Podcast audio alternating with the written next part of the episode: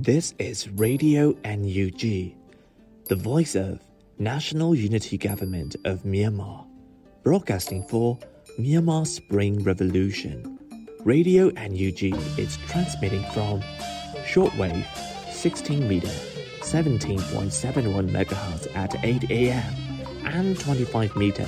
11.965 megahertz at 8 p.m. Myanmar Standard Time. မင်္ဂလာပါခင်ဗျာ အမျိုးသားညီညွတ်ရေးအစိုးရရဲ့အတန်လွင့်ဌာန Radio NUG ကိုမနက်၈နာရီမှလိုင်းတို16မီတာ7.3 MHz ညပိုင်း၈နာရီမှလိုင်းတို25မီတာ17.665 MHz တို့မှာဓာတ်ရိုက်ဖမ်းယူနားဆင်နိုင်ပါပြီ။မင်္ဂလာအပေါင်းနဲ့ပြည့်စုံကြပါစေ။အခုချိန်ကစပြီး Radio NUG အစီအစဉ်တွေကိုဓာတ်ရိုက်အတန်လွှင့်ပေးနေပါပြီ။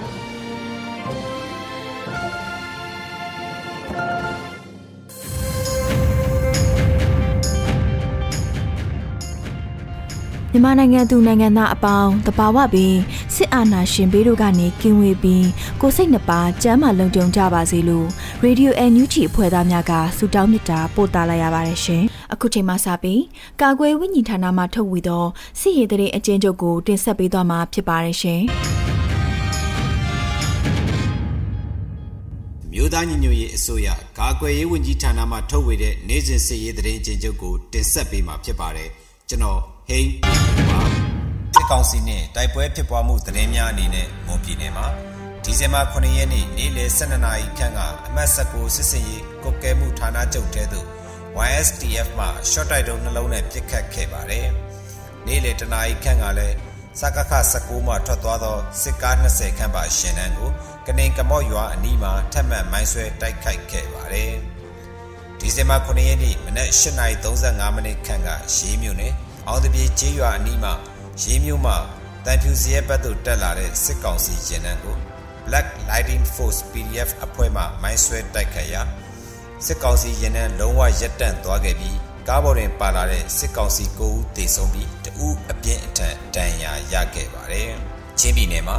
ဒီဇင်ဘာ9ရက်နေ့မနက်8နာရီခန့်ကကံပက်လက်မြို့ရဲစခန်းမှထွက်ခွာလာတဲ့စစ်ကောင်စီတပ်ကို CDF ကပလက်မှစောက်ကြိုတိုက်ခိုက်ခဲ့ရာစစ်ကောင်စီတပ်သား2ဦးသေဆုံးပြီး2ဦးဒဏ်ရာရခဲ့ပါတယ်။စကိုင်းတိုင်းမှာဒီဇင်ဘာ6ရက်နေ့ည9နာရီခွဲခန့်ကရမပင်မြို့နယ်ရဲတပ်ရင်း28အတွင်းမှထွက်လာတဲ့စစ်ကောင်စီကား2စီးကို16ကရင်ဆန့်စေးုံဝင်းချင်မှာဒေသကာကွယ်ရေးတပ်များမှမိုင်းဆွဲတိုက်ခိုက်ခဲ့ပါတယ်။အလောင်းလာကောက်တဲ့စစ်ကောင်စီကား2စီးကိုလည်း ထပ်မံမိုင်းဆွဲတိုက်ခိုက်ခဲ့ရာစစ်ကောင်စီတပ်သား10ဦးကျော်သေဆုံးခဲ့ပါတယ်။ဒီဇင်ဘာ6ရက်နေ့က6ဦးမြို့နယ်6ဦးမြို့နယ်ခင်မွန်ရွာအကြားမှာစစ်ကောင်စီတပ်များအကြမ်းဖက်လူယူပြီးအုံပြုတ်နေတဲ့ AC ကားတစ်စီးကိုပြည်သူ့ကာကွယ်ရေးအဖွဲ့6ဦးမှမိုင်းဆွဲတိုက်ခိုက်ခဲ့ရာစစ်ကောင်စီရင်မောင်းနဲ့ရဲရာရှိတအူအပြင်းအထန်ထိကြိုက်ဒဏ်ရာရရှိခဲ့ပါတယ်။မန္တလေးတိုင်းမှာ ဒီဇင်ဘာ9ရက်နေ့မနက်3:35နာရီခန့်ကမိထီလာမြို့နယ်ကံကောင်းကျေးရွာရဲစခန်းအတွင်းသို့မိထီလာပြည်သူ့ကာကွယ်ရေးတပ်ဖွဲ့ဝင်များမှလက်ပစ်ဗုံးလက်လုံဗုံးများနဲ့ပစ်ခတ်တိုက်ခိုက်ခဲ့ပြီးရဲရရှိတဦးနဲ့ရဲတပ်သား2ဦးသေဆုံးက3ဦးအပြင်းထန်ဒဏ်ရာရရှိခဲ့ပါတယ်။ရန်ကုန်တိုင်းမှာဒီဇင်ဘာ6ရက်နေ့ညပိုင်းကကော်မှုမြို့နယ်ဝါဘလောက်တောက်ကျေးရွာရဲကင်းစကန်အားပြည်သူ့ကာကွယ်ရေးတပ်မတော်ရန်ကုန်စစ်ဒေသခွဲမှတိုက်ခိုက်ခဲ့ပြီး အပြန်အလှန်ပစ်ခတ်မှုဖြစ်ပွားကရဲ3ဦးသေဆုံးပြီးပြည်သူ့ကာကွယ်ရေးတပ်သား2ဦးသေဆုံးက2ဦးထိခိုက်ဒဏ်ရာရရှိခဲ့ပါတယ်။စစ်ကောင်စီကကျူးလွန်တဲ့ရာဇဝတ်မှုများကတော့ကရင်ပြည်နယ်မှာဒီဇင်ဘာ9ရက်နေ့ကဖရူဆိုမြို့နယ်ဒီမော့ဆိုမြို့တို့မှာစစ်ကောင်စီတပ်များကဒေသခံလူငယ်များကိုဒေသခံကာကွယ်ရေးတပ်ဖွဲ့များတွင်ပါဝင်သည်ဟုဆွဆွဲကလိုက်လံဖမ်းဆီးနေကြောင်းသိရပါတယ်။စကိုင်းတိုင်းမှာဒီဇင်ဘာ9ရက်နေ့မနက်ပိုင်းက ဓပြင်းမြို့နယ်အောင်စီမြေကျေးရွာနီးသို့စစ်ကောင်စီတပ်မှလက်နက်ကြီးများနဲ့ပစ်ခတ်တိုက်ခိုက်ခဲ့ပြီးမနက်9:00နာရီမှာရဲရင်များနဲ့ပါပစ်ခတ်တိုက်ခိုက်သောကြောင့်ရွာသူရွာသားများထွက်ပြေးတိမ်းရှောင်နေရပါတယ်။ဒီဇင်ဘာ9ရက်နေ့မနက်ပိုင်းကစလင်းကြီးမြို့နယ်ဒုံတောရွာအတွင်းသို့စစ်ကောင်စီတပ်များဝင်ရောက်မှွေနှောက်ပြီးပြည်သူများကိုကြိုးတုပ်ပြီးဖမ်းဆီးခေါ်ဆောင်သွားကရွာသား၁၂ဦးကိုမိရှို့တပ်ဖြတ်ခဲ့ပါတယ်။မန်လေးတိုင်းမှာ ဒီဇင်ဘာ6ရက်နေ့မနက်9:00နာရီခန့်ကချမ်းမြတ်သာစီမြို့နယ်အောင်တာယာရက်ကွက်100တလန်45လမ်းနဲ့46လမ်းကြားရှိအောင်တာယာရက်ကွက်ရုံးပြပြစ်ခတ်ခံရပြီးနောက်အဆောင်ကျနေတဲ့စစ်သားများရန်ကားပြစ်ခတ်သောကြောင့်အသက်9နှစ်အရွယ်ကလေးငယ်တူဦးကောင်းကိုကြည်ထိမှန်ပြီးသေဆုံးခဲ့ပါတယ်။အကွေးတိုင်းမှာဒီဇင်ဘာ6ရက်နေ့နေ့လယ်3နာရီခန့်ကစလင်းမြို့နယ်ကံပြားကျေးရွာရှိစစ်ကောင်စီစစ်ဆေးရေးဂိတ်မှာ မြို့သား3ဦးဖမ်းခံခဲ့ရပြီးကံပြားရဲစခန်းမှာထိမ့်သိမ်းထားကြောင်းသိရပါတယ်။ပဲခူးတိုင်းမှာဒီဇင်ဘာ9ရက်နေ့မနက်ပိုင်းကပဲခူးတိုင်းနောက်ဖက်ချမ်းတာယာဝတီခရိုင်အုပ်ဖို့မြို့နယ်မှာမြို့သားဒီမိုကရေစီအဖွဲ့ချုပ်ပါတီလွတ်တော်ကိုယ်စားလှယ်များဖြစ်သောပြည်သူ့လွတ်တော်ကိုယ်စားလှယ်ဦးစောမင်းနဲ့တိုင်းဒေသကြီးလွတ်တော်ကိုယ်စားလှယ်ဦးစောသူရအောင်တို့၏နေအိမ်များကို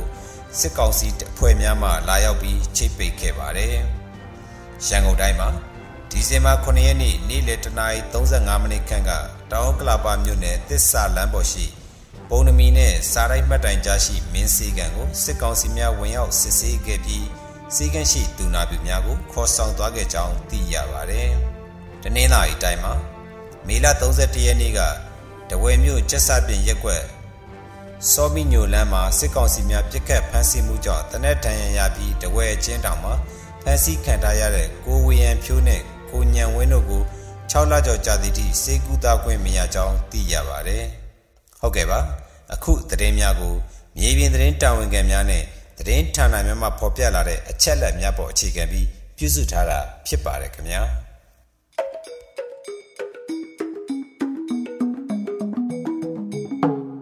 Radio NUG မှာဆက်လက်အသံလွှင့်နေပါတယ်။အခုဆက်လက်ပြီးပြည်တွင်းသတင်းများကိုຫນွေဦးမောင်မှတင်ဆက်ပေးမှာဖြစ်ပါရရှင်။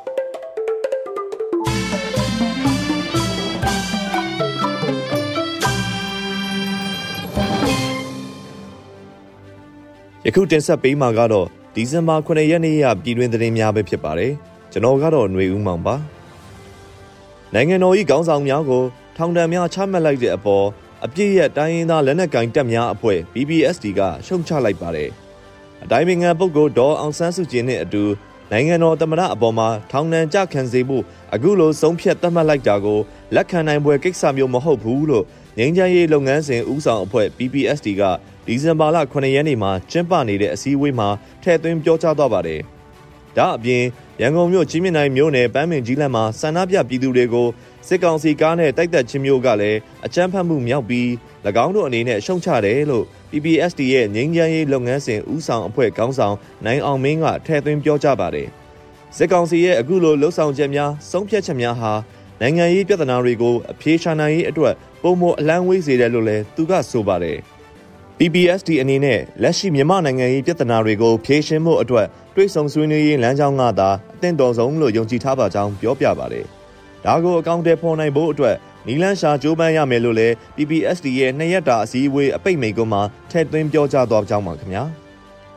ဆက်လက်ပြီးစကိုင်းတိုင်းတွင်းရှိဒေသခံပြည်သူတွေအပေါ်စစ်ကောင်စီကအရှင်လက်လက်မီးရှို့မှုများဟာယခုတက်တပတ်အတွင်းဇက်တိုက်ဆိုသလိုဖြစ်လာနေပါတယ်။ လုံတော်လို့ခေါ်တဲ့ဂျေးရွာတရွာမှာဒေသခံပြည်သူ12ဦးကိုစစ်ကောင်စီတပ်ကအရှင်လက်လက်မီးရှို့တပ်ဖြတ်ခဲ့ပြီးဒီဇင်ဘာလ9ရက်နေ့ထုတ်လူမှုကွန်ရက်စာမျက်နှာများပေါ်မှာတော့လူလောင်ကျွမ်းနေတဲ့မီးပုံကြီးနဲ့အတူရုပ်သံမှတ်တမ်းများထင်ထင်ရှားရှားတွေ့ခဲ့ကြပါတယ်။အခုလိုဒီဇင်ဘာ9ရက်နေ့မီးရှို့တက်ခံရတဲ့အပြင်ဒီဇင်ဘာ9ရက်တွင်ချောင်းကွကျေးရွာမှဒေသခံတဦးနဲ့ဒီဇင်ဘာ4ရက်တွင်တီဖို့ကျေးရွာမှဒေသခံတဦးတို့ကိုလည်းစစ်ကောင်စီကအရှင်လက်လက်မီးရှို့တပ်ဖြတ်ခဲ့ကြပါပြီ။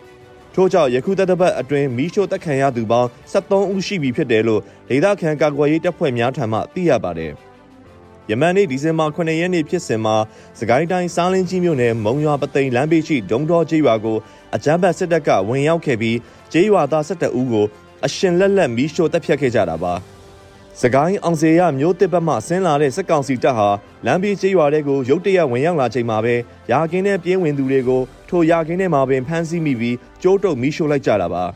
ရုတ်တံမှတ်တမ်းများနဲ့တကွမီးမငိမ့်သေးတဲ့မီးပုံကြီးထဲမှာလူရှင်တွေကိုရရဆက်ဆက်မီးရှို့ခဲ့တာမြင်တွေ့ရပြီးတိတ်ဆုံးသူအလုံးဟာအမျိုးသားတွေဖြစ်တယ်လို့လည်းသိရပါတယ်။ထိုဖြစ်စဉ်မတိုင်မီဒီဇင်ဘာ9ရက်နေ့ကလည်း ကလေးတောင်ပိုင်းချောင်းဝဂျေးရွာနေဥငုံနဲ့ချောင်းကိုအကြမ်းဖက်စစ်တပ်ကနေအိမ်နဲ့အတူမီးရှို့တက်ခဲ့ကြပါတယ်။ဒီဇင်ဘာလ၄ရက်နေ့မှာစကိုင်းတိုင်းကလေးမြို့နယ်ပဲဆိုင်ခင်းအတွင်းတောင်ယာတဲကလူငယ်တအူးကိုမီးရှို့တပ်ဖြတ်ခဲ့ကြပါတယ်။ဒီဇင်ဘာ၄ရက်နေ့နက်ပိုင်းမှာပဲကလေးမျိုးနယ်တန်ဖိုကျေးရွာမှအသက်24နှစ်အရွယ်ရှိကိုလာရိုမွာကိုလည်းလူသားတိုင်းအဖြစ်ဖမ်းဆီးသွားခဲ့ပြီးနောက် အိုးမြေထူးရွာတွင်ပင်မီးရှို့တက်ခဲ့ခြင်းကြောင့်အခုဆိုရင်စကိုင်းတိုင်းဒေသခံပြည်သူများအပေါ်မီးရှို့တပ်ဖြတ်မှုဟာဇက်တိုက်ဆိုသလိုဖြစ်လာနေပါတယ်။စစ်ရေးတင်မာနေတဲ့စကိုင်းတိုင်းတွင်ရှိမြို့နယ်အများအပြားမှာအာဏာရှင်ကိုတော်လှန်ကြတဲ့ဒေသခံပြည်သူများရဲ့တိုက်ခိုက်မှုတွေကိုတုံ့ပြန်ဖို့စစ်ကောင်စီဘက်ကစစ်ရဟတ်ရင်များဖြင့်အပေါ်စီးမှပြစ်ခတ်နှိမ်နင်းရရှိပါတယ်။အခုလိုတာလွန်အင်အားနဲ့နှိမ်နင်းတဲ့ကြားစစ်ကောင်စီဘက်ကစစ်ရေးအသာစီးမရယူနိုင်တဲ့အပေါ်မှာ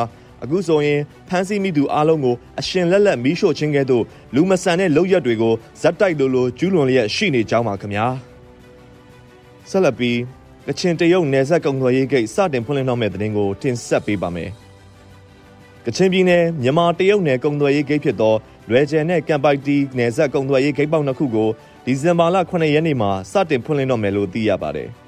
အဆိုပါဂိတ်နှစ်ခုကို ပြီးခဲ့သည့်နိုဝင်ဘာလ20ကျော်ကလေးကဖွင့်လှစ်ဖို့စီစဉ်ခဲ့တော်လဲတရုတ်အစိုးရဘက်ကခိတ္တဆိုင်းငံ့ထားခဲ့ပြီးပြန်လည်ညှိနှိုင်းမှုရရှိခဲ့တာကြောင့်ဒီဇင်ဘာလ9ရက်နေ့မှာစတင်ဖွင့်လှစ်ဖို့သဘောတူညီမှုရရှိခဲ့ခြင်းဖြစ်တယ်လို့သိရပါတယ်။ဂုံသွယ်ရေးလမ်းကြောင်းစတင်ဖွင့်လှစ်ပြီးမနက်မှာတော့မြန်မာပြည်ဘက်ကကမ်ပိုက်တီဂိတ်ကနေကုန်ကားအစီး30ဦးဆုံးစတင်ဆေလွတ်မှာဖြစ်ပြီးကမ်ပိုက်တီဂိတ်ကနေတော့ရပ်ပိုင်းအတွင်းဆေလွတ်နိုင်မဲ့အခြေအနေမရှိသေးကြောင်းကချင်ပြည်နယ်တီးနန်စိုက်ပျိုးထုတ်လုပ်သူများအသင်းဝင်တအူးကဆိုပါတယ်။ ကျွန်တော်တို့မြန်မာဘက်ချမ်းကတော့အဓိကအဖြစ်တ िश ူငပြောတွေတင်ဖို့မယ်ကျန်တဲ့စိုက်ပျိုးသီးနှံတွေတင်ဖို့မှာပေါ့တရုတ်ဘက်ကအဝင်ကတော့ပုံမှန်လိုပဲအိမ်ဆောက်ပစ္စည်းတွေလူသုံးကုန်တွေပြီးရင်ဓာတ်မြေဩဇာပေါ့အဲ့ဒါတွေကိုသွင်းမယ်ပထမဦးဆုံးစေလွတ်မဲ့နေ့မှာကျွန်တော်တို့ဘက်ကနေကုန်ကားအစီ30အရင်စေလွတ်မယ်ကမ်ပိုက်ဒီဂိတ်ကနေတော့မလွတ်သေးဘူးဖွင့်တာတော့ဖွင့်ပြီးဒါပေမဲ့လွယ်ချယ်ဂိတ်လည်းမကြပါဘူးဆေးလွတ်ပါမယ်လို့အမည်မဖော်လို့သူကချင်ပြည်နယ်တီးနန်စိုက်ပျိုးထုတ်လို့သူများအသင်းဝင်တအူးကပြောပါတယ် ပထမဦးဆုံးဆေးလုံးမဲ့ကုန်ကားအစီး30တွင်တက်ရှူငပြောကားအများဆုံးဖြစ်ပြီးနိုင်ငံကားသမားများနဲ့ရင်မောင်းတွေကိုကျမ်းမာရေးစီးစက်မှုအဆင့်ဆင့်ပြုလုပ်ပြီးမှသာဝင်ရောက်ခွင့်ပေးမှာဖြစ်ကြောင်းသိရပါတယ်။ကျမ်းမာရေးစစ်ဆေးဖို့ကြတော့ဒီဘက်ချမ်းဆိုရင်ဝါရှောင်မှာစစ်ဆေးပေးဖို့စီစဉ်ထားတယ်ဟုကချင်ပြည်နယ်အသီးနှံစိုက်ပျိုးထုတ်လုပ်သူများအသင်းဝင်တအူးကပြောပါတယ်။ ပြပိုက်တီနဲ့လွယ်ကျန်နယ်ဆက်ကုံသွယ်ရေးဂိတ်ပိတ်ထားတာဟာ9လကြာမြင့်နေပြီဖြစ်တာကြောင့်တရုတ်သွင်းကုန်ပစ္စည်းများကိုသာအားထားပြီးစီးပွားရေးလုပ်ကိုင်နေသူများအတွက်အခက်အခဲများစွာကြုံတွေ့နေရကြောင်းသိရပါတယ်။ဒီကုံသွယ်ရေးလမ်းကြီးမြန်မြန်ဖွင့်နိုင်မှဖြစ်မှာပါ။မဖွင့်နိုင်သေးသေးတွေကတော့ကျွန်တော်တို့လည်းပိုပြီးခက်ခဲရုံပဲရှိတယ်။ကျွန်တော်တို့စိုက်မှာဆိုရင်ကျင်စားရှိတယ်ငပြောစေးတဲ့သူတွေရှိတယ်။အခုလိုလမ်းပိတ်လိုက်တော့သူတို့တွေလည်းဘာမှဝင်ငွေမရှိတော့ဘူး အခုလိုဂိတ်ပြန်ဖွင့်မယ်ဆိုရင်တော့စားဝတ်နေရေးအဆဆအရာရာအဆင်ပြေလာမှာလို့ဝိုင်းမော်မြို့နယ်ကတရှုငပြောလုပ်သားတို့ကပြောပါတယ်။ကချင်ပြည်နယ်မှာမြန်မာတရုတ်နယ်စပ်ကုန်သွယ်ရေးဝင်ပေါက်၃ခုရှိပြီးအဲ့ဒီ၃ခုတည်းကယခုတစ်ကြိမ်ဖွင့်လှစ်တဲ့အထဲမှာကမ်ပိုက်တီနဲ့လွယ်ချယ်ဂိတ်နှစ်ခုသာပါဝင်ပြီးပန်ဝါဂိတ်ကိုတော့လက်တလောဖွင့်လှစ်မီမဟုတ်ကြောင်းသိရပါတယ်။ကမ်ပိုက်တီလွယ်ချယ်နယ်စပ်ကုန်သွယ်ရေးဂိတ်များကို COVID-19 ကြောင့်တရုတ်အစိုးရဘက်ကဇူလိုင်လ17ရက်နေ့ကစတင်ပိတ်ထားခဲ့တာဖြစ်ပါတယ်။ ယခုတက်ဆက်ပေးခဲ့တာကတော့ဒီဇင်ဘာ9ရက်နေ့ရပြည်တွင်းသတင်းများပဲဖြစ်ပါတယ်ကျွန်တော်ကတော့ຫນွေဦးမောင်ပါ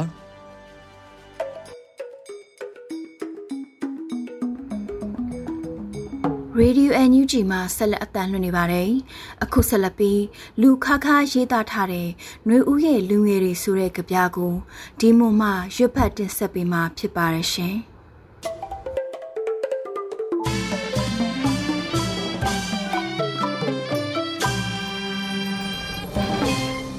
ຫນွေဦးရဲ့လူငယ်တွေလက်လက်ကောင်းမှာပုံလျက်သားကြနေတဲ့လူငယ်သွေးစွန်းနေတဲ့ဖနက်ထီဆိုင်ပုတ်ပေတရာမှာပြန့်ကျဲစဲတန်ဆိုတန်မချိတင်ကဲဟောဒီဒိတ်တာယုံမြင်ကွင်းထဲမှာငါတို့လူငယ်တွေကို တွေးလိုက်ရတယ်ပန်းပင်ကြီးလမ်းမှာငါတို့လူငယ်တွေရဲ့အလောင်းသွေးဆက်သွေးကွက်အော်တန်တနတ်တန်မျက်ရည်များကြေခွဲဒေါသအတန်များ ငါတို့ဟာຫນွေဦးကမွေးဖွားပေးလိုက်တဲ့လူငယ်တွေတေရင်မြေကြီးရှင့်ရွှေထီးပေါ့ငါတို့ဟာຫນွေဦးရဲ့ပရဖူးတွေပေါ့တပွင့်ကျွင်တဖူးထပ်ပွင့်မဲ့လူငယ်တွေငါတည်သွားပြီမဲ့ငါမတည်ဘူးငါရဲ့တော်လန်ရေးသွေးတွေကစီးစင်းကြံခဲလိုက်မယ်မြစ်တစင်းလို့သူတို့ကငါတို့ကိုမြေမြုပ်ဖို့စ조사ကြလိမ့်မယ်ငါတို့ကတစ်စေတွေဆိုတာသူတို့မသိကြဘူး ຫນွေဦးမှာငါတို့အလိုမတူပဲရလိုက်တဲ့ကိုဝင်ကတဖြည်းဖြည်းရင့်မာလာခဲ့ပြီငါတို့သွေးတွေလည်းချင်းချင်းหนีခဲ့ပြီငါတို့ရဲ့ຫນွေဦးဟာနာကျင်စရာများနဲ့ຫນွေဦးပန်းတွေပွင့်စေတဲ့ຫນွေဦးဒီຫນွေဦးကိုဘယ်သူမှတားမရတော့ဘူး လမ်းမပေါ်ကသွေးကြွေးမှာဆွေးနွေးစရာမရှိဒီသွေးကြွေးကိုငါတို့သွေးမေးနိုင်ဘူးအာယုံဥယျင်နောက်ထပ်တပူးတပွင့်ထက်ခါထက်ခါပွင့်ပြမယ်ငါတို့ရဲ့ຫນွေဦးမှာ ငါတို့စုံးထီသွားကြမယ်ငါတို့ဟာຫນွေဦးကမွေးဖွားပေးလိုက်တဲ့လူငယ်တွေလူခါခါ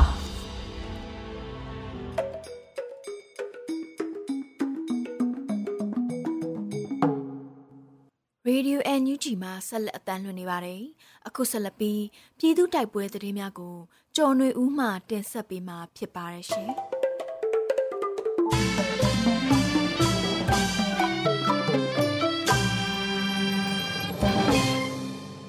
မဆုံးအနေနဲ့ရန်ကုန်မန္တလေးအမြန်လန်းကံကောင်းရဲကင်းတဲ့စခန်းကိုမိထီတာခရိုင်၄မြို့နယ် PDF တပ်ပေါင်းစုစီးနင်းတိုက်ခိုက်လို့ရဲ၃ဦးသေဆုံးပြီး၅ဦးဒဏ်ရာရတဲ့တဲ့တင်ကိုတင်ဆက်ပေးပါမယ်။မန္တလေးတိုင်းမိထီလာမြို့နယ်ရန်ကုန်မန္တလေးအမြန်လန်းရှိကံကောင်းရဲကင်းတဲ့စခန်းကိုမိထီတာခရိုင်၄မြို့နယ်တပ်ပေါင်းစုကတိုက်ခိုက်ရာရဲ၃ဦးသေဆုံးပြီး၅ဦးဒဏ်ရာရရှိကြောင်းဒေသကာကွယ်တပ်ဖွဲ့ကသတင်းထုတ်ပြန်ပါတယ်။ဒီဇင်ဘာလ9ရက်နေ့နနက်အစောပိုင်း12:15မိနစ်အချိန်မှာ ကံကောင်းရဲကင်းနှင့်စခန်းကိုမိထီလာခရိုင်၄မြို့နယ် PDF တပ်ပေါင်းစုကဝင်ရောက်စီးနင်းပြီးဖောက်ခွဲတိုက်ခိုက်ခြင်းဖြစ်ကြောင်းသိရှိရပါတယ်။ကံကောင်းရဲကင်းတဲ့စခန်းဟာရန်ကုန်မန္တလေးအမြန်လမ်းမကြီးမိုင်တိုင်293နှစ်ဖာလုံးမှာတည်ရှိတဲ့ရဲကင်းစခန်းဖြစ်ပါတယ်။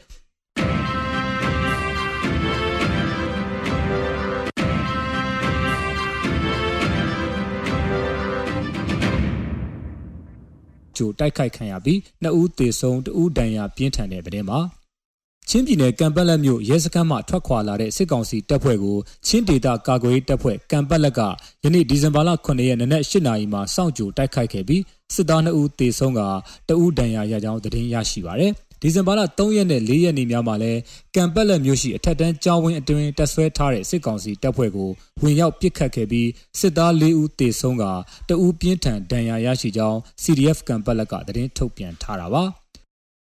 ဆက်လက်ပြီး တထုံထုံးပူကြီးကြေးရွာနီးစစ်ကောင်စီစစ်ကြောင်းမိုင်းဆွဲခံရပြီးနှစ်ဦးသေဆုံးနှစ်ဦးခြေထောက်ပြတ်တဲ့တဲ့ရင်ကိုတင်ဆက်ပေးပါမယ်။မွန်ပြည်နယ်တထုံမြို့နယ်ထုံးပူကြီးကြေးရွာအနီးမှာစစ်ရေးလှုပ်ရှားလာတဲ့စစ်ကောင်စီစစ်ကြောင်းကိုဒီဇင်ဘာလ6ရက်နေ့မှာ KNL တပ်မဟာ1အဖွဲ့ဝင်များတထုံပြည်သူ့ပျောက်ကြား TPG တထုံမြို့ပြအထူးစစ်စင်ရေးအဖွဲ့တို့ပူးပေါင်းပြီးမိုင်းဆွဲတိုက်ခိုက်ခဲ့ရာစစ်သား2ဦးသေဆုံးပြီးအခြား2ဦးမှာခြေထောက်ပြတ်ဒဏ်ရာရကြောင်း TPG ကသတင်းထုတ်ပြန်ပါတယ်။ ကရင်မျိုးသားအစည်းအရုံး KNU တပ်မဟာ1နယ်မြေထုံးပူကြီးကြီးရွာနီးနယ်မြေကျွံဝင်လာတဲ့စစ်ကောင်စီစစ်ကြောင်းတစ်ခုကိုဒီဇင်ဘာလ9ရက်နေ့မှာ KNL နဲ့တထုံကာကွယ်ရေးပူးပေါင်းတပ်ဖွဲ့ကမိုင်းဆွဲတိုက်ခိုက်ခဲ့ပြီးစစ်သားတအူးတေဆုံးက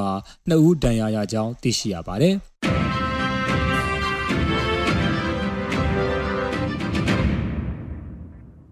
နောက်ဆုံးအနေနဲ့အမျိုးသားညီညွတ်ရေးအစိုးရပြည်ထောင်စုနဲ့လူဝင်မှုကြီးကြပ်ရေးဝန်ကြီးဌာနကဒီဇင်ဘာလ9ရက်နေ့ရက်စွဲနဲ့ထုတ်ပြန်တဲ့ ပြည်သူ့ခုခံတော်လှန်စစ်တရင်အချက်လက်တွေကိုတင်ဆက်ပေးသွားမှာပါ။အာဏာသိမ်းအကြမ်းဖက်စစ်အုပ်စုရဲ့ပြည်သူလူထုအပေါ်အကြမ်းဖက်ဖိနှိပ်ဖန်ဆီးတိုက်ခိုက်တပ်ဖြတ်နေမှုများကိုပြည်သူလူထုတရက်လုံးကအသက်ရှင်တန်ရေးအတွက်မိမိကိုယ်ကိုမိမိခုခံကာကွယ်ပိုင်ခွင့်အရာပြည်သူခုခံစစ် People's Defensive War ကိုဆင်နွှဲလျက်ရှိပါတယ်။တရင်အချက်လက်များအရ6ရက်12လ2021ရက်နေ့မှာစစ်ကောင်စီတပ်ဖွဲ့ဝင်32ဦးသေဆုံးပြီးထိခိုက်ဒဏ်ရာရရှိသူ18ဦးအထိခုခံတိုက်ခိုက်နိုင်ခဲ့ပါတယ်။ စစ်အာဏာရှင်စနစ်မြမအမျိုးပေါ်ကအပြည့်တိုင်ချုပ်ငြင်းရေးနဲ့ Federal Democracy တိဆောက်ရေးအတွက်ငြင်းချမ်းစွာဆန္ဒပြတဲ့လူထုတပိတ်တိုက်ပွဲများကပြည်내နဲ့တိုင်းဒေသကြီးများမှာဆက်လက်ဖြစ်ပွားပေါ်ပေါက်လျက်ရှိပါတယ်။မြေပြင်မှာတော့ယခုတွေ့ရတဲ့သတင်းအချက်အလက်များထက်ပို၍ဖြစ်ပွားနိုင်ပါတယ်ခင်ဗျာ။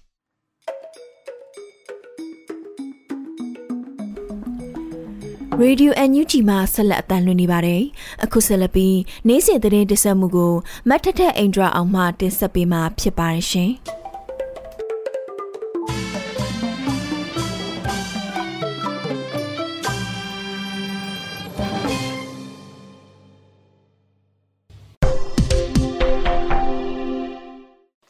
ဦးဆုံးအနေနဲ့အမျိုးသားညီညွတ်ရေးအစိုးရအဖွဲ့ပုံမှန်အစည်းအဝေး35မြင်းဆောင်2021ကျင်းပပြုလုပ်ခဲ့တဲ့တဲ့တင်ကိုတင်ဆက်ပေးမှာပါဒီကနေ့ဒီဇင်ဘာလ9ရက်နေ့မနက်10:00နာရီမှာအမျိုးသားညီညွတ်ရေးအစိုးရအဖွဲ့ရဲ့ပုံမှန်အစည်းအဝေးကိုကျင်းပပြုလုပ်ခဲ့ပါတယ်။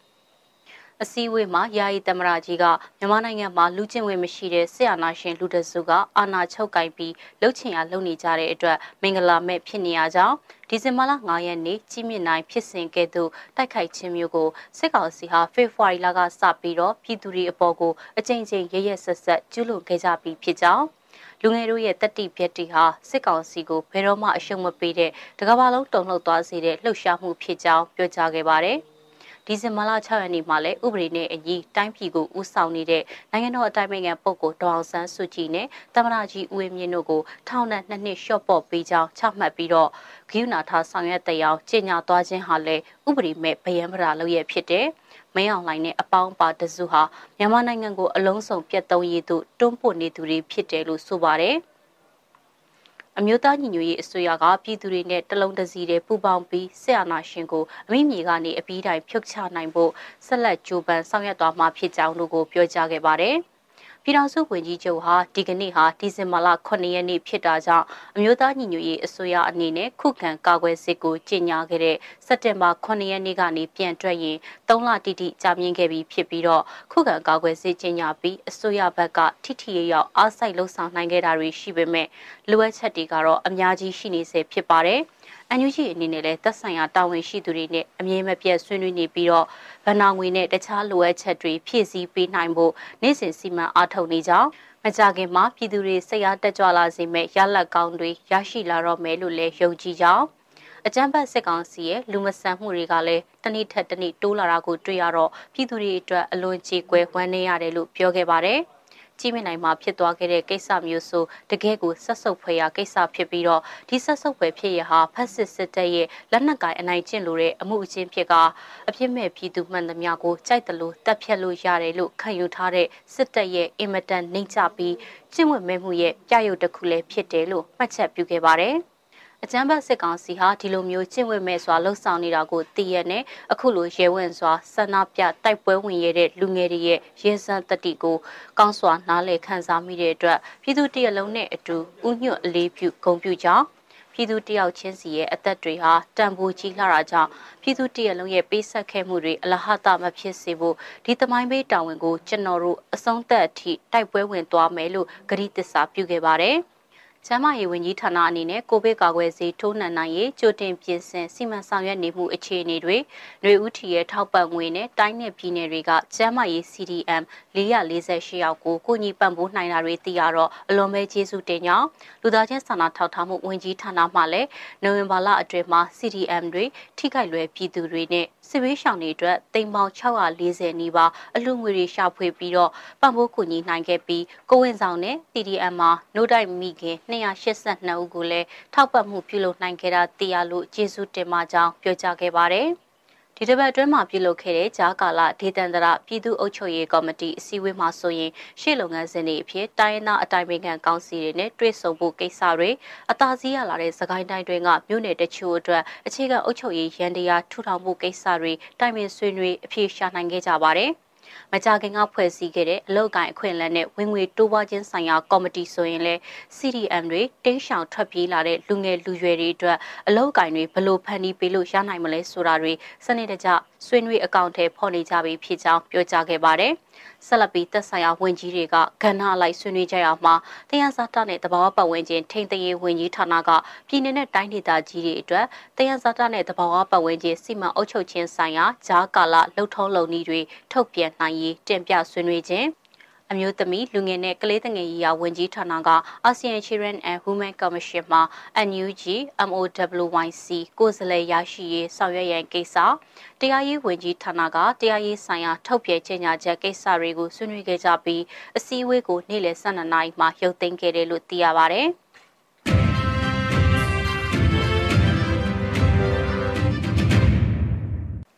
ဆက်လက်ပြီးအောင်လန်လွှင့်ချီနွေဦးထီရဲ့အထုစုထီပေါက်မဲအဖြစ်ဒီဇင်ဘာလထီဖွင့်ပွဲမှာစတင်ပြီးဆက်သိန်းတရာတန်ဖိုးရှိတဲ့အထုစုတစ်ခုကိုထည့်သွင်းဖွင့်လှစ်သွားမှာဖြစ်တယ်လို့အမျိုးသားညီညွတ်ရေးအစိုးရစီမံကိန်းဗဏ္ဍာရေးနဲ့ရင်းနှီးမြှုပ်နှံမှုဝန်ကြီးဌာနကဒီဇင်ဘာလ9ရက်ရက်စွဲနဲ့ထုတ်ပြန်လိုက်ပါတယ်။လစဉ်နွေထီရောင်းငွေစုစုပေါင်းဝင်ငွေရဲ့80ရာခိုင်နှုန်းကိုတာဝန်သိစီရီယံဝန်ထမ်းတွေကိုချီးမြှင့်သွားမှာဖြစ်ပါတယ်။ နွေဦးထီလက်မှတ်ဈေးနှုန်းတွေပြောင်းလဲတာမရှိဘဲလက်မှတ်တစ်စောင်ကို2000ကျပ်နှုန်းနဲ့အနည်းဆုံး9ဆောင်မှအများဆုံးအဆောင်90အထိဝယ်ယူနိုင်မှာဖြစ်တယ်လို့သိရပါဗျ။ຫນွေဦးထီ pilot project စတင်ချိန်ကနေကနေ့အချိန်ထိပြည်သူတွေရဲ့ဝင်ရမှုနဲ့စစ်ကောင်စီလက်အောက်ခံအောင်ပါလီထီကိုအလဲထိုးနိုင်ခဲ့ပြီးဖြစ်တယ်လို့လည်းအမျိုးသားညီညွတ်ရေးအစိုးရကကြေညာထားပါတယ်။ နှွေဦးထီမိသားစုဟာပြည်သူနဲ့အတူအာဏာရှင်စနစ်ချုပ်ငြိမ်းတဲ့အထိတိုက်ပွဲဝင်သွားမှာဖြစ်ပြီးပြည်သူဘက်ကရည်တည်တဲ့တာဝန်သည် CDN ဝန်ထမ်းကောင်းတွေအားချီးမြှင့်နိုင်ဖို့ဆင်အာဏာရှင်စနစ်အပြီးတိုင်ချုပ်ငြိမ်းသွားစေဖို့ခိုင်မာပြတ်သားတဲ့စိတ်ဓာတ်နဲ့ပြည်သူလူထုကိုတမိုင်းမှတ်တမ်းကပီးထိုးတင်အပ်ပါတယ်လို့လည်းထုတ်ပြန်ချက်မှာဖော်ပြထားပါတယ်။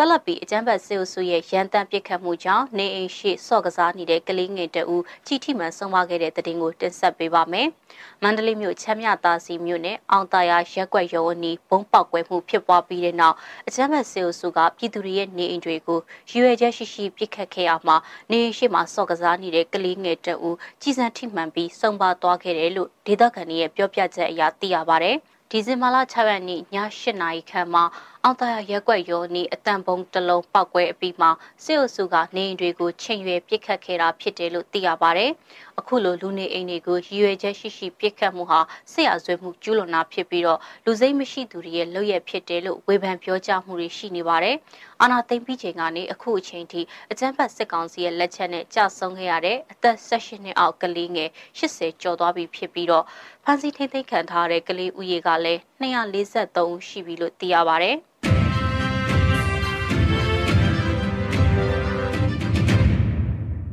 အကြံဖတ်စစ်ကောင်စီကိုကိုစားပြုခွင့်မပေးကြောင်းကုလအထွေထွေညီလာခံဆုံးဖြတ်ပြီးတာမကြီးဦးကျော်မိုးထွန်းဆက်လက်ကိုစားပြုခွင့်ရခဲ့တဲ့သတင်းကိုတင်ဆက်ပေးပါမယ်။ကုလသမဂ္ဂမှမြန်မာစစ်ကောင်စီနဲ့တာလီဘန်တို့ရဲ့ကိုစားပြုခွင့်ကိုရွှေ့ဆိုင်ထားဖို့ကုလအထွေထွေညီလာခံကဒီဇင်ဘာလ6ရက်နေ့မှာဆုံးဖြတ်လိုက်တာပါ။ ကုလထွေထွေညီလာခံရဲ့အဲ့ဒီဆုံးဖြတ်ချက်အရမြန်မာနိုင်ငံကိုလက်ရှိကိုစားပြုနေတဲ့တပ်အမတ်ကြီးဦးကျော်မိုးထွန်းနဲ့အာဖဂန်နစ္စတန်ရဲ့လက်ရှိတပ်အမတ်ကြီးဂူလန်အိုင်ဆက်ဆိုင်တို့ကကုလသမဂ္ဂမှဆက်လက်ကိုစားပြုခွင့်ရရှိမှာဖြစ်ပါတယ်။ကုလထွေထွေညီလာခံဟာအရေးချင်းစစ်ကော်မတီရဲ့အဆိုပြုချက်ကိုမဲမခွဲပဲမြန်မာနဲ့အာဖဂန်နိုင်ငံအတွင်းအာဏာသိမ်းထားသူတွေကတင်ပြလာတဲ့တန်တမန်တွေကိုအစားထိုးဖို့ကြိုးပမ်းတဲ့လှုပ်ဆောင်ချက်ကိုစိုက်ငံ့ထားဖို့ဆုံးဖြတ်လိုက်တာလည်းဖြစ်ပါတယ်။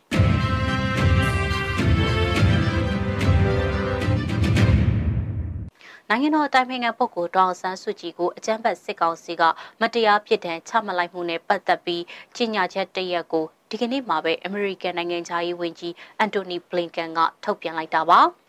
မြန်မာစစ်အာဏာရှင်ဟာဒေါ်ဆန်းစုကြည်ပေါ်မတရားပြစ်ဒဏ်ချမှတ်ခြင်းနဲ့တခြားသောဒီမိုကရေစီနည်းကျရွေးကောက်တင်မြှောက်ထားတဲ့တာဝန်ရှိသူတွေအပေါ်ဖိနှိပ်ညှဉ်းပန်းခြင်းဟာမြန်မာနိုင်ငံအတွင်းဒီမိုကရေစီစနစ်နဲ့တရားဥပဒေစိုးမိုးမှုကိုထပ်မံစော်ကားခြင်းဖြစ်တယ်လို့ကြေညာချက်မှာဖော်ပြပါရှိပါတယ်။ တရားဥပဒေစိုးမိုးမှုကိုဆင်အနာရှင်ကဆက်လက်မထိမမြင်ပြုလုပ်နေခြင်းနဲ့မြန်မာပြည်သူတွေအပေါ်အကြမ်းဖက်မှုတွေကြဲကြဲပြန့်ပြန့်ကျူးလွန်နေခြင်းဟာမြန်မာနိုင်ငံမှာအလုံးပါဝင်တဲ့ဒီမိုကရေစီလမ်းကြောင်းကိုပြန်လည်ဖော်ဆောင်ဖို့အရေးတကြီးလိုအပ်နေကြောင်းမိမောင်းထိုးပြတာလည်းဖြစ်တယ်လို့ဆိုပါတယ်ဒေါန်ဆန်းစုကြည်နဲ့တခြားသောဒီမိုကရေစီနည်းကျရွေးကောက်တင်မြှောက်ထားတဲ့တာဝန်ရှိသူတွေကိုပြန်လွှတ်ပေးဖို့ပြည်သူတွေရဲ့ကောင်းကျိုးအတွက်ငြိမ်းချမ်းမှုအပြေရှားဖို့ မြန်မာဒီမိုကရေစီအသွင်ကုပြောင်းမှုပြန်လည်ဖော်ဆောင်ရေးအတွက်သဘောတူညီချက်၅ရပ်ကိုသဘောတူညီထားတဲ့အတိုင်းပါဝင်ပတ်သက်သူအလုံးနဲ့အပြုသဘောဆောင်တဲ့တွဲဆုံဆွေးနွေးမှုအတွက်ထိတွေ့ဆောင်ရွက်ဖို့ဆရာနာရှင်ကိုတိုက်တွန်းထားပါတယ်။လွတ်လပ်မှုနဲ့ဒီမိုကရေစီကိုလိုလားတောင်းတတဲ့မြန်မာပြည်သူတွေနဲ့အတူရှိကြောင်းအကြမ်းဖက်မှုတွေအဆုံးသတ်ရန်ပြည်သူတွေရဲ့ဆန္ဒကိုလေးစားရန်နဲ့မတရားဖန်ဆီးထားသူအလုံးကိုပြန်လွှတ်ပေးရန်လဲဆရာနာရှင်ကိုတောင်းဆိုထားတာတွေ့ရပါတယ်။ ဒီကနေ့ကတော့ဒီညနဲ့ပဲ Radio NUG ရဲ့အစီအစဉ်တွေကိုခਿੱတရနာလိုက်ပါမယ်မြန်မာစံတော်ချိန်မနက်၈နာရီနဲ့ညနေ၈နာရီအချိန်တွေမှာပြန်လည်ဆုံတွေ့ကြပါစို့ Radio NUG ကိုမနက်၈နာရီမှာလိုင်းတို16မီတာ7.7 MHz ညပိုင်း၈နာရီမှာလိုင်းတို25မီတာ17.665 MHz တို့မှာဓာတ်ရိုက်ဖမ်းယူနားဆင်နိုင်ပါပြီမြန်မာနိုင်ငံသူနိုင်ငံသားများကိုစိတ်နှပြရမ်းမာချမ်းသာလို့ ဘေးကင်းလုံခြုံကြပါစေလို့ Radio NUG အဖွဲ့သူအဖွဲ့သားများကဆုတောင်းလိုက်ရပါတယ်။အမျိုးသားညီညွတ်ရေးအစိုးရရဲ့စက်သွယ်ရေးတရင်အချက်အလက်နဲ့ဤပညာဝန်ကြီးဌာနကထုတ်လွှင့်နေတဲ့ Radio NUG ဖြစ်ပါတယ်။ San Francisco Bay Area အခြေစိုက်မြန်မာမိသားစုများနဲ့နိုင်ငံတကာကစေတနာရှင်များလှူအားပေးများရဲ့ Radio NUG ဖြစ်ပါတယ်။အရေးတော်ပုံအောင်ရမည်။